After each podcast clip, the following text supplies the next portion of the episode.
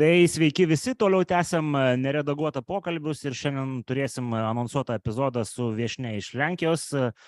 Pereisim dabar į anglų kalbą. So, hello everyone. We are continuing with our Let's Talk Europe episodes, and today we have a special guest from Poland. Uh, well, as you, as I have checked the Wikipedia, it says that's a Polish social entrepreneur, civic activist, and academic. But also a founder of so many organizations. I want to mention just a few. So probably a founder and chairwoman of Warsaw Security Forum, and uh, founder of um, European Academy of Diplomacy in Warsaw. So a great um, person to talk about the geopolitical changes in uh, in Europe. Uh, so hello, Katarzyna. Hi, hello, Yusis. Thank you for inviting me. It's a great pleasure to be here. Well, it's a pleasure to have you. So uh, as we have talked, uh, uh, there are a few a few topics that we want to discuss with you, and maybe let's let's start. Uh, even today, I have seen that uh, Kuleba, uh, the foreign affairs minister of Ukraine, announces that there are some um, disappointing signals coming from Germany, and maybe that's the first point of our um, of our chat what are the um, what are the you know the the German and French positions uh, in terms of uh, this um, Russian aggression and this war in Ukraine that are changing or not changing uh, so so so rapidly. I mean they are not changing uh, at all you know somebody could could say. What are the reasons behind this stubbornness of um, main old europe uh, countries to understand that uh, we need to uh, finish this war in, in, in ukraine as quickly as possible and probably the only force that can finish uh, this is the uh, Ukrainian military. Mm-hmm. Well, first and foremost, uh, I would definitely differentiate uh, and not put in one bag both Germany and, and France, uh, because these countries, although we tend to have uh, this image of, you know, having the same stance on Russia, they have definitely uh, gone through a completely different road and transformation. So I would say that the transformation in France is, at the end of the day, on the societal level, much smaller than the one happening in Germany. So France has always had a very kind of, uh, I would say, uh, practical uh, approach to uh, to Russia it has always seen Russia as a partner for dialogue, and it always believed in kind of this continuous uh, dialogue. Of course, uh, the French have been very strong both in, in supporting sanctions and and and denouncing uh, the many uh, war crimes uh, of Russia. But again, I don't see a very very deep change in the society of France overall, and I do see that change in the German society this change is, has not been reflected fully for the elites. It has not been reflected fully uh, in terms of uh, in terms of uh, um, the political establishment, especially SPD, the ruling party at the moment. But we can see that the society itself has changed its approach to Russia, and that in the long term will be reflected in politics. So, so I think how, we're in Katarzyna, how, how is it possible that the widespread public sympathy for Ukraine in Germany, which is even you know supported by the other coalition partners, I mean the liberal Freeze and the uh, Democrats and the Greens, uh, how is it possible that uh, this social democrat uh, the democrat party you know in in in, in germany they don't appreciate their uh, voters mm-hmm. well i think it only shows the incredible effectiveness of russia to capture uh, german elites and we're talking here not only about political elites, but business elites, the kind of intertwining of, uh, of the many people who today, although not are not in a majority in, in, in Germany, make those political decisions. And it turns out it's extremely difficult to unwind itself from these uh, Russian influences. Again, we have to also make that differentiation when you look at the current coalition government. When you look at the Greens, they're saying something completely different than many people with the SPD. So, uh, but again, because some of these elites, especially the SPD elites, but not only, also CDU, have been very strongly, uh, strongly influenced by Russian uh, mm, uh, business links, by Russian Russian political links. Uh, sometimes many of them might still be under, you know, different type of uh, of uh, uh influence that they have little control uh, over. Uh, so uh, I think this is a very slow process, and Russia has put uh, um, all its uh, weapons, and it has, as we know, not only military, not only economic, uh, but it also has human uh, um, uh, inside of these societies, and especially when it comes to decision makers. So again, I think it's a slow process, but I am at the end of the day hopeful that it is that the tide has changed that uh, although we are very frustrated, especially you in Lithuania, us in Poland, with the speed of the change, we're very frustrated with the lack of deliveries of military equipment, specifically from uh, Germany.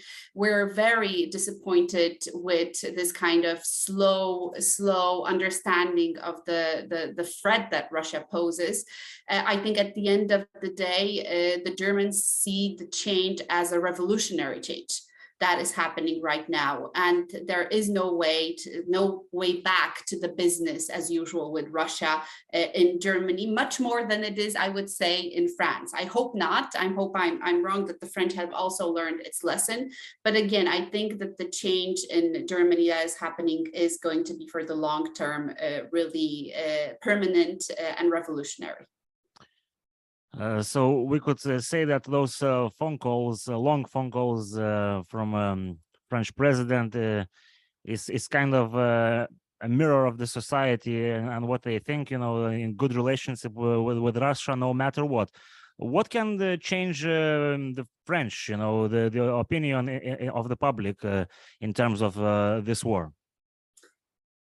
I think uh, we can again. The, the- a lot of French society has shown uh, and is showing continuous support for this humanitarian effort to help Ukraine. Yes, so so so in terms of understanding who is the perpetrator, who's the invader, and who's the victim, that is very clear.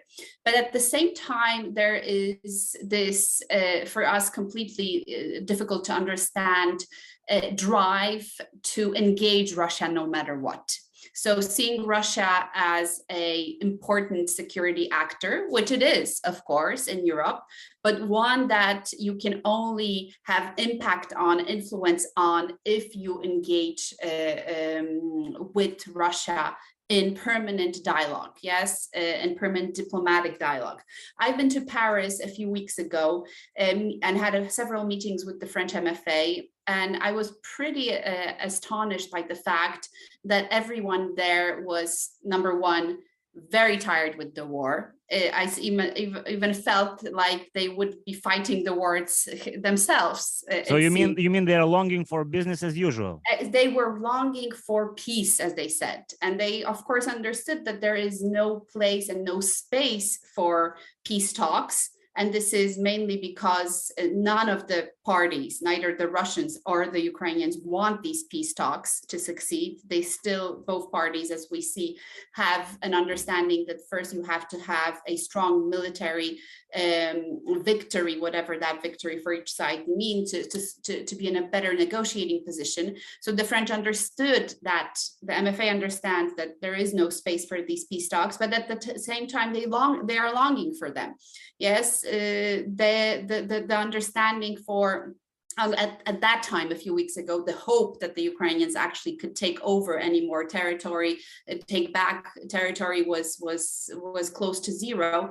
So uh, again, uh, I think that the the a lot of the French political elites are quite detached from what's really happening in Ukraine and detached from the understanding that uh, Russia does not really believe in dialogue. It only believes in sheer force. And if you don't put it in a very difficult military position, no negotiations would start. I can only hope that the last few days have proven the French very wrong in their assessment. And maybe there will be some change also of attitudes. But what we've seen over the last few few months, uh, I think you know can and did disappoint many in our region. But having said that, we also have to stress that both Germany and France have been behind the toughest sanctions the world has ever seen uh, against Russia without their not only consent but drive the economic sanctions that the EU has imposed. Now, the visa sanctions that we want to impose and many other sanctions uh, in place simply would not happen. So, uh, although again, we're very critical and I think rightly so when it comes to military support for Ukraine, uh, we have to remember that these countries, at the end of the day, and in comparison to many other countries around the world, have been, you know, steadfast in supporting Ukraine uh, and, uh, you know, being at the end of the day at the right side of in the at the right side of history. But of course, we should expect from such big countries in Europe much more.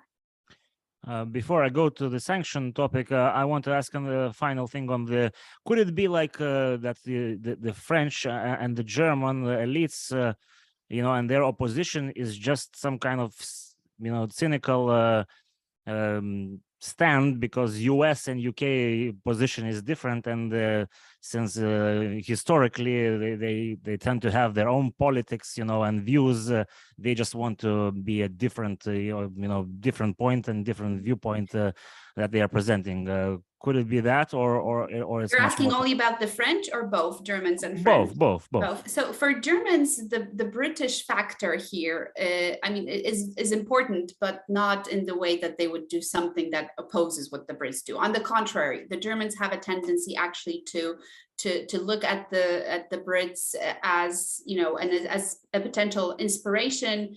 They they trust uh, uh, many of the foreign policy you know calls uh, and and the kind of security assessment of, of Great Britain, and, and the situation of course is completely different in France. Um, uh, the French uh, have a very long history, as we know, uh, of relations with the United Kingdom, which although are friendly in general because we are all in a united Europe, although the UK is no longer an EU member state. Um, then, of course, they, they are very skeptical sometimes of, of British foreign policy, have a tendency to, to criticize what the British do and so on and so forth.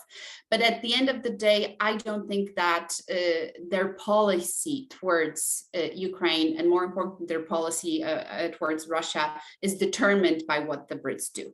I don't think they're doing it, oh, because the Brits are doing something else, we'll do something else. No, that's not the case. We have to remember about the internal politics of France. We have a party, Le Front National, with Marine Le Pen, which uh, has over 30, maybe even up to 40% of possible voters in France. And this is a political party that uh, is uh, extremely pro-Russian. It's a political party which would want to see, you know, uh, a, a big, um, big, uh, you know, almost unification and forgetting uh, about what Russia is and has been doing in Ukraine. I just remind you that Marine Le Pen herself, not uh, long ago, a few months ago, just before the war, said that in her opinion, Crimea is and always has been Russian, and she cannot, uh, you know, imagine uh, that uh, the Russians could give back uh, uh, Crimea to Ukraine. So, and of course, we know that her party has been financed by a Russian bank. Uh, her campaign has been uh, uh, has been um, supported by by Russia. So all that is an important factor when you look at Emmanuel Macron's policy. He understands that, of course, although the Russian question is not the main question in domestic French policy, he understands that she has a lot of supporters. That if he goes too far uh, in many uh, policies uh, that he might lose voters and Marine Le Pen might gain them. So it is also it's mainly a domestic fight for votes. It's a domestic fight for influence. luckily, we have just concluded the election uh, season in France uh, with Emmanuel Macron uh, receiving the majority of votes and again becoming president, but losing a lot of members in the parliament and losing influence within the Assemblée Générale. So that surely weakens his position. and again, these domestic factors, much more than what the United Kingdom does, affect the French politics and the politics of Emmanuel Macron. Well, we should probably mention that uh, not only uh, Le Pen, but uh, the party and the you know and the leader uh, who took the third place, and and uh, the, there are even more you know left-wing uh, parties that also have absolutely. Mélenchon, as you said, has also had a stance that has been criticized as as undermining uh, Ukrainian uh, uh, Ukrainian uh, uh, right to choose what they want, whether they want to fight. So again, uh, we are we have Emmanuel Macron, who at the end of the day is the best option out of all options currently available. And I think we should also appreciate that that this might not be the case uh, always. At the same time, in Germany, uh, you know, most parties at the end of the day uh, are in the mainstream when it comes to supporting Ukraine. Even if we criticize the SPD uh, for being very slow on arms deliveries, it's clear that this is a party that has supported the sanctions and has uh, seen, you know, the, the, the events as a kind of wake up call. The only party that's clearly pro-Russian, the Alternative for Deutschland, you know, in, in the recent polls does not score more than 10%, even less. Well, they also have the Der Linke in, in Germany, which is and the, yes, the left is Der Linke. That's also, but we're we're talking all together by around ten percent, maybe twelve percent of voters, and that is not a significant amount uh, of voters. Uh, again, the majority of the society supports uh, a continuous help for Ukraine. There's a very interesting recent poll actually uh, in, uh, done in Germany, which uh, shows that over 60% of people say that they're willing to pay a significant financial price, also in energy, in order to continue support for Ukraine. So that tells you something about the moods. But again, as we said before, it does not necessarily reflect yet the full change within the political elite. Yeah, absolutely. Especially when you read the, the articles of the German elite uh, and, and, their statements. So, does this all mean that uh, there could be a push uh, for some diplomatic solution uh, regarding, you know, the war uh, in Ukraine? Uh, we see that, you know, the the Ukrainians they they are not satisfied, and the Russian conditions for any peace talks are just ridiculous. do you think that during the upcoming uh, months once you know it gets colder uh, and uh, as the narrative from russia says the, the, the europe will crack uh, which we probably doubt uh, here in europe uh, that there could be a larger you know and stronger push towards some diplomatic solution of, of, of this war well, you know, the, the push for diplomatic solutions uh, so can really come uh, from free sides. I always tell that to our French and German partners that it's not up to us to decide who and when is going to sit at the diplomatic table. It's not going to be France, it's not going to be Germany, it's kind of going to be Poland or even Lithuania that will have any say in when the sides will sit uh, and and talk. Yes, we want we we may ask, we may we may encourage, we may want, but we have at the end of the day nothing to say here. There's only three parties that have something to say: the Ukrainians, if they want to fight, how far, how long, and what kind of sacrifices they're willing to take. And we've seen that they are willing to take a lot of sacrifices and they're not done, far from. The Russians, you know, how much can the regime withstand uh, and whether it's going to back.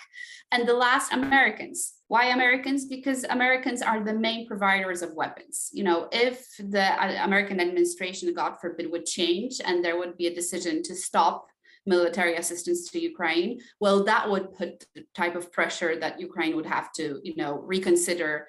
But uh, but thank uh, thank thank God I don't think we're seeing you know any uh, any such threat anytime soon. Definitely not this winter, and definitely not in the spring. So I think we're safe here. So again, there's only three actors who will make that decision.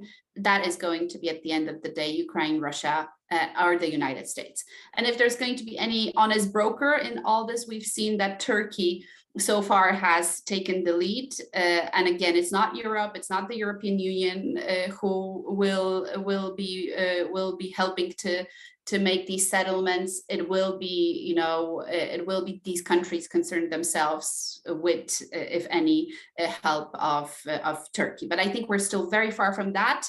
And the last counteroffensive has shown that there's still a lot of place uh, for the Ukrainians to prepare for uh, good negotiations, which at the end of the day, we know will have to happen uh, one way uh, or the other. But again, there's no appetite on either side for this now. Do you think that the elections uh, in US uh, have any kind of threat to the current status quo, you know, in terms of US support? Yeah, so uh, all of my friends in the States, uh, both on the Republican and Democratic parties, uh, tell me that whoever wins the elections to the House of Representatives and the Senate, uh, it doesn't really matter when it comes to Ukraine because uh, both the House and the Senate will continue its support for Ukraine. And I hope that's true. And I believe that that you know this is this is going to be the case. But at the same time, I'm also very vividly aware of the fact that uh, within the Republican Party, there is a growing movement uh, um, around, uh, around, unfortunately, former President Donald Trump uh, that uh, represent the views of Carl Tuckerson, Tuckerson from Fox News, which are very often pro-Russian uh, or spreading Russian propaganda. And, and we've seen a few of these uh, new members of uh, of Congress, congressmen coming in with really shocking as for American for uh, uh for America views. Uh, and I do fear that this election, upcoming primaries, uh, will see um, uh, many of those more radical voices who will be asking questions. Why is America supporting Ukraine? Why are we spending our taxpayer money uh, in a faraway land? Why can't we just find some solution with Russia? We should focus on China. Yes, Russia should be our ally fighting with China. We can't push uh, Russia into Chinese hands, we will hear those voices. And unfortunately, they will be coming from the far right within the Republican Party primarily, but also from the far left, let's say. Um, there are those as well uh, within the, the um, Democratic Party. So everything depends on how polarization will further benefit the fringes of these parties. If it does, if the more radical voices come into the Congress, then at some point that balance will shift against Ukraine. But I don't see the threat of this happening in this election. Maybe in two years, if things go really bad, uh, but this time around, uh, I'm pretty confident that again, even if the uh, Republicans take over the House, take over the Senate, uh, that policy of support of Ukraine will continue. Well, sadly, not only Tucker Carlson, you know, is, is spreading this propaganda. To be honest, everyone who is following uh, Republican media in the states, uh, I, I, guess, uh, can feel sometimes uh, uh, the shame, you know, that of the information that is coming from there. But I want to ask uh, about this narrative that uh, sanctions will not break Russia. I hear this from the U.S. Uh, media as well that you know uh, Russia is um, uh, will will persist this, and you know it's, it's it, they can they can go for longer, you know, last for longer. What do you think about this narrative, and uh, what is the effect of the sanctions uh, towards you know the, the russian society. Of course there is a another narrative that russian society is unbreakable because all all, all that they need is uh, uh, vodka and um, maybe i don't know cabbages but uh, uh, what, what do you think? Well i think the narrative that sanctions don't work is completely untrue uh, what we have seen so far is, you know, an environment in which the regime in Russia is still able to profit from the largest of its income sources, which is oil and gas. And what we've seen over the last few months was that, of course, uh, because of the increase of oil prices, gas prices, as a consequence of the war, uh, the treasury of Russia has been gaining incredible amounts of money. And this was the main argument to say, well, sanctions are not working. Actually, Russia is receiving more money from, from, from natural selling natural resources than before the war. But that narrative has effectively ended last month and this month. What we're seeing is a, as was predicted by many experts, we are seeing a very quick decrease in revenues to the Russian budget because of, in the first shock the prices were very high and everybody was trying to buy as much from Russia to prepare for the winter. But now, as we see, we're better and better, better prepared to, for the winter. Uh, countries stop uh, buying uh, at the same time prices go down, and that is where the revenue is breaking. And it turns out that with the current costs that Russia estimated costs, because we don't have full uh, full uh, numbers, but the estimated cost of this war for Russia, it seems that the coffers uh, and the budget will be emptied within the by the end of this year. Russia is not able to withstand, you know, a long-term uh, policy of sanctions, uh, having, uh, you know, the type of cost it has right now for this war. So what does that tell us? It tells us first and foremost that uh, the pressure will come from the elites because as we know, Russian elites don't really care about the people. And they also believe, as you said, that the, an average Russian will survive, you know, somehow on cabbage and vodka. Um, but at the same time, they care about their own well-being if they can no longer travel to Europe, if their yachts have been uh, have been seized, if they can't fly to their villas in Italy or Spain, uh, well, then at least they have to have some money in Moscow to live off. And a complete collapse, financial collapse of Russia will hit them first and foremost. So I think the pressure is going to come from the richer Russians at the end, which have been uh, disproportionately benefiting from this uh, oil and gas El Dorado that Russia has been on for many, many uh, years, if not uh, decades. That's number one. Second, of course, the Russian people will feel the pressure of the sanctions. They already do. They felt it in 2014, where, for example, food prices went up 24% but they went out up because of Russia's counter sanctions on the EU. Yes, not EU's sanctions. So Putin knew that you know the people will survive this and they'll find a way you know to, to to move forward but i think you know the russian society although can withstand a lot of things is not unbreakable and yes, the, the, the rise of prices and the decrease of living conditions um, will hit, that's for sure. But I think what the Kremlin is even more afraid of is that at some point it will not be able to wait, continue to uh, wage this war uh, without full mobilization of the Russian people.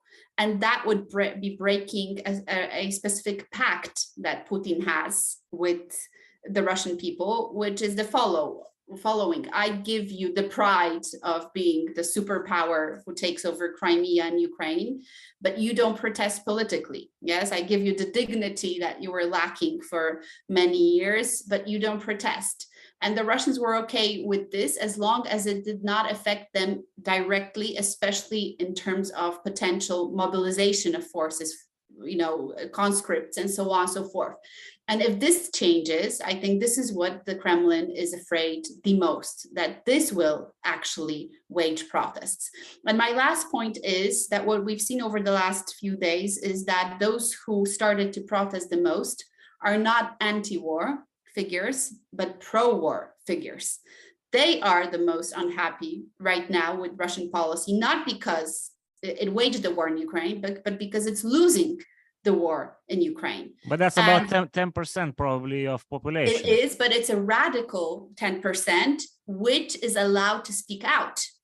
And that radicalism, as usually with radicalism, spreads. So this is a, a real, I think, consideration and, and threat for the regime. You know, what happens if these voices of dissent are voices that are calling for more because they have been prepared for a large victory, which is not delivered. So they question why have we sacrificed so much? Why are we sacrificing so much if the victory is not delivered?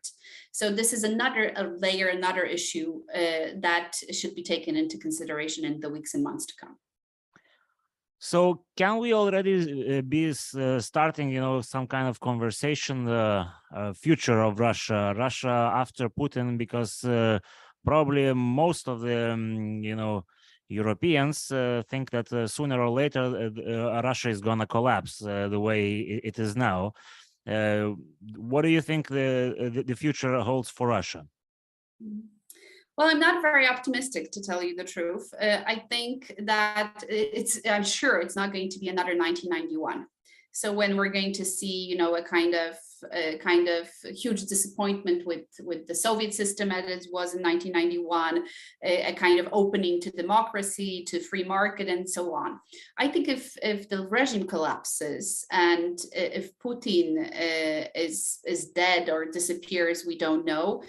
Uh, what we're going to see is we're going to see probably more of the same, but with the different face. I don't think Russian nationalism and imperialism is going anywhere. I think the society has been breeded, and in that sense, is a broken society. Uh, uh, and it's going to be extremely difficult first for any new leader to explain what happened in Ukraine. Why did we not succeed? Why did we fail?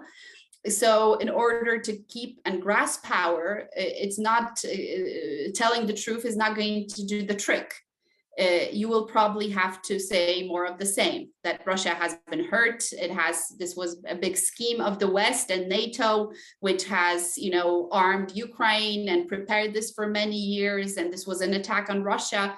So you know again, I'm not very optimistic, unless the war is is is a complete disaster for Russia. So for example, Crimea is taken. Yes, which actually means that Putin's policy that he has began in 2014 uh, goes completely bankrupt maybe and only maybe then will there be some kind of a reflection yes uh, but uh, i'm afraid that anything in between any peace settlement where you know Crimea stays with Russia. There's some you know territory in Donbass, so we're going back pre like to to pre uh, the 24th of, of February is going to only make things worse over the long term. Yes, so so you don't believe in this disintegration uh, of, of of Russia, you know, and ethnic uh, groups that could push for some kind of uh, uh, sovereignty. I don't. I, I would want to believe in that, but I don't see any movement of any groups here uh, altogether. So even if you look at Tatarstan, even if you look at Buryatia, you know, I, have been many years ago to Buryatia uh, and I know the region pretty well. Um, uh, I mean, the, the society has been heavily Russianized, if you know what I mean. They, they feel uh, as citizens of, of, of, uh, of the Russian Federation uh, as they are. Uh, and, you know, even the Chechens, if I would see any secession anywhere in the future, that would be in, in the Southern Caucasus. But at the moment under Kadyrov and the type of, you know, the type of uh, mm, uh synergy that's happening between the Russian regime and uh, Northern Caucasus, I don't see a possibility of a large scale disintegration. I would love to be wrong. I would love to somebody to prove me wrong.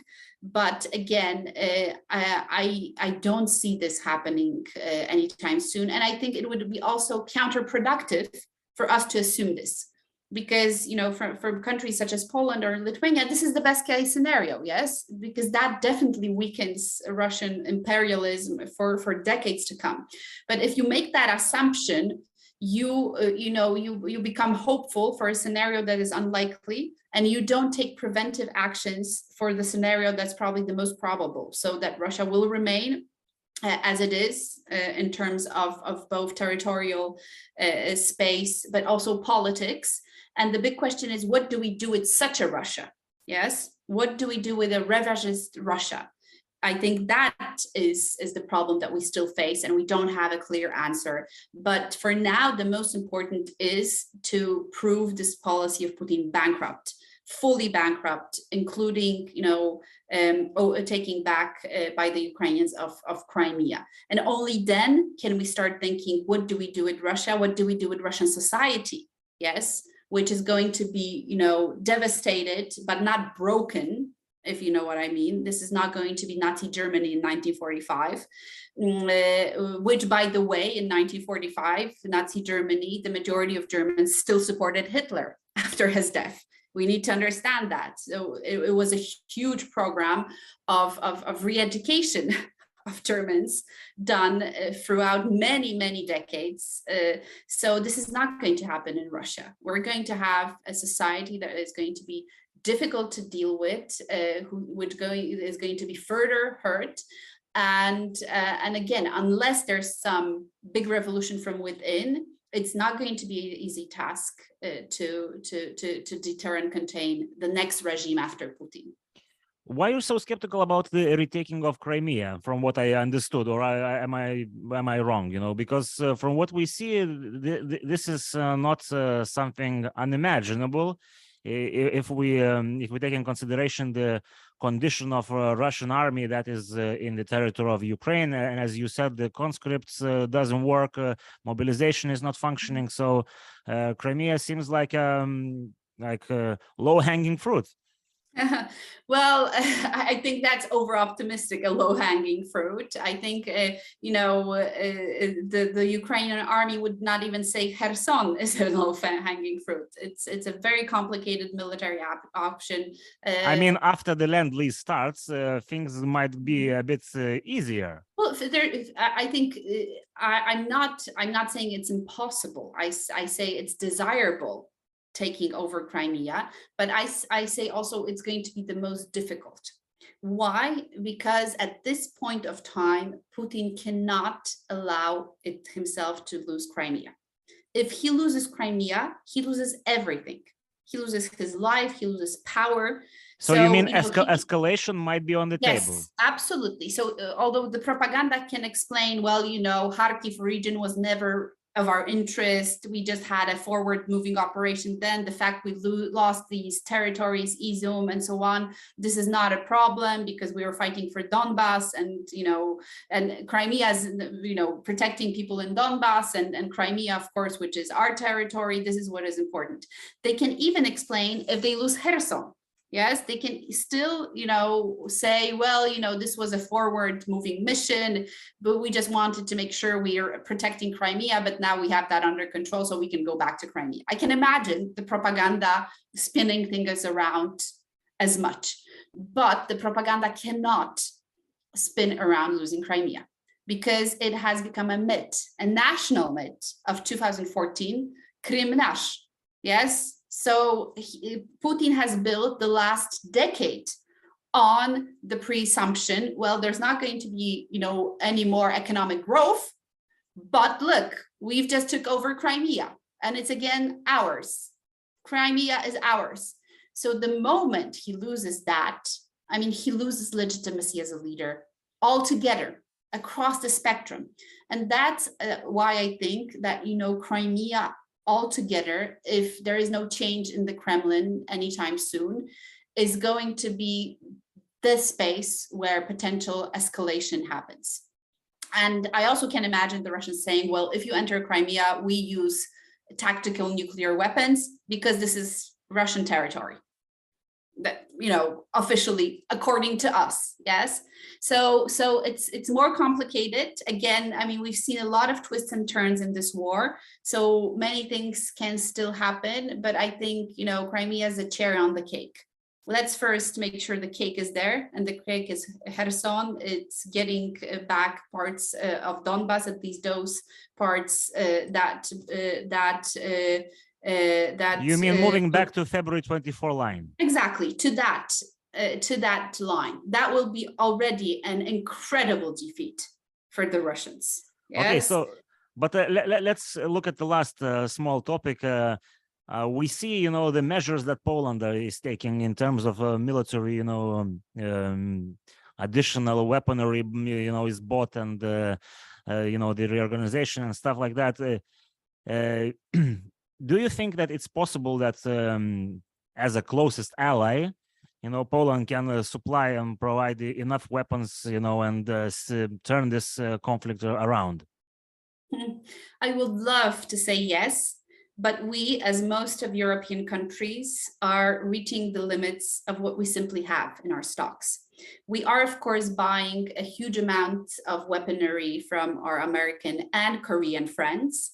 We have speeded up many contracts. We are waiting for Abram tanks, where we're also planning to give the old Soviet tanks to Ukraine. But in comparison to actors such as, the United States, I mean, we have limited capacity, just like Lithuania. Of course, we have Well, it's much different. yeah, I know, I know, of course. But but but but you have to remember that you know we've been we've been uh, there at the forefront of countries who were declaring and immediately deli- delivering. Basically, everything we declared that we can give was immediately delivered. I'm sure that there is more things we can still uh, provide Ukraine with. But at the end of the day, uh, again, we were not prepared for such a large scale war. Uh, and having in mind that we also have to have some um, uh, military equipment, not only to protect ourselves, but also to protect other NATO countries like the Baltic states, for example, we uh, have to be very realistic. So what is important uh, in the long term, of course, that Ukraine not only uh, receives the funding, you know, the Lend-Lease uh, funding for military equipment, so it can also produce at least its own ammunition, but buy it on the markets. There is no shortage of ammunition in the world. I can, I can promise you that. But you just have to buy it from countries that you have uh, have not considered so far. But at the same time, uh, we we need to we need to you know look at at new ways of, of approaching you know military aid to Ukraine. Because again everywhere I go in Europe every general and every army member tells me the same things. We're simply running out of stocks. We've given as much as we could from our reserves. Um but you know this is not sustainable for, for Katarzyna, I want to make a, a small uh, remark here. Everybody is like who is like a war analyst say that uh, aviation could be a game changer, and since you know Europe was never preparing for a artillery war, NATO main strength was always you know uh, you know the aviation. If uh, Ukraine receives uh, you know F-16s or any other you know U.S. or European planes, uh, that might uh, be the tipping point. Well, it, it might. That's true, and as as far as I know, we're already training Ukrainians uh, uh, to uh, to uh, have that ability to fly. Um, I mean, they're they're already flying MiGs, but it's about the F-16s, F-14s, uh, and so on. So that is already happening. But you have to remember for that, what is the most important is, of course, the air missile defense systems. And as we saw, and uh, and you know, uh, Earth uh, surface to uh, to to to Earth uh, to to sky uh, missiles. So what we're see, uh, this is what we saw with HIMARS, how that has changed really the situation on the on the front, and uh, that has been provided by the Americans. I remind you that Poland has currently two Patriot batteries on its soil. And both of these batteries have been brought by the Americans at the beginning of this war to protect their own bases in Poland. So basically, our sky has been unprotected before the 24th of February. Uh, not well, that's probably in terms of long range uh, artillery. The Uh, of medium, range, medium range, you absolutely have uh, in Poland. to to the extent yes we have our own system but we're talking about long range this is what we're what we're you know uh, fierce fearful of at the moment so so again i think we've uh, uh, we've learned our lessons uh, you know we're speeding up uh, I do hope that uh, the deliveries of, of equipment uh, into Poland, military equipment, will uh, release at least some of the old equipment that we could uh, give to Ukraine. That will surely um, happen with the next batch of tanks. But again, I think there has to be a collective uh, response, like we have in Ramstein, of thinking, you know, who can do what and how, in the long term, we can support the military uh, military um, effort of Ukraine. So just to finalize, we should be preparing for a longer conflict, uh, and uh, you know it's not gonna be finished by by the end of this year. Well, do you believe it will? Well, I'm an optimist, so uh, you know I do, but uh, it, it, as you said, it depends, you know, on the on, on the military equipment that is uh, is Mhm. there in Ukraine. Well, I think the last week has made us all very hopeful. It showed it showed the incredible ability of the Ukrainian army to to to mobilize and and take over very speedily uh, territory, but it also so showed the complete demoralization of Russian army and its soldiers. So there's something happening there as well. We are hearing today that there has been movements from Crimea of families of soldiers and soldiers. That's a very interesting question. What does that mean? Um, but uh, I think it would be unrealistic to expect that Russia, or maybe naive to expect that Russia will not respond with full force. What that full force is, we will see in the upcoming days. Let's hope it's nothing. Well, the Then that means Russia has lost the war, and your optimism. Yeah, and, and then your optimism is is is is uh, is well founded.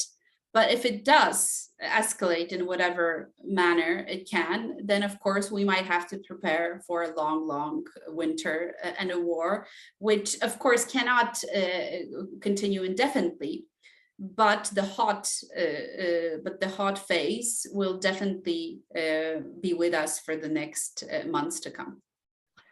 Katarzyna, I want to thank you so much for your time. We know that your agenda is strict, so uh, well, there there would be quite a lot of questions, but you know, let's uh, finish, you know, here because, uh, as I mentioned, the, the time is running out. So it was it was a pleasure. I hope it's not the last time we can have a chat with you. I'll be very happy to be back. Thank you so much. And thank you again, uh, Yossi, for the invitation. And thanks everyone for watching, and see you in the next Let's Talk Europe episode.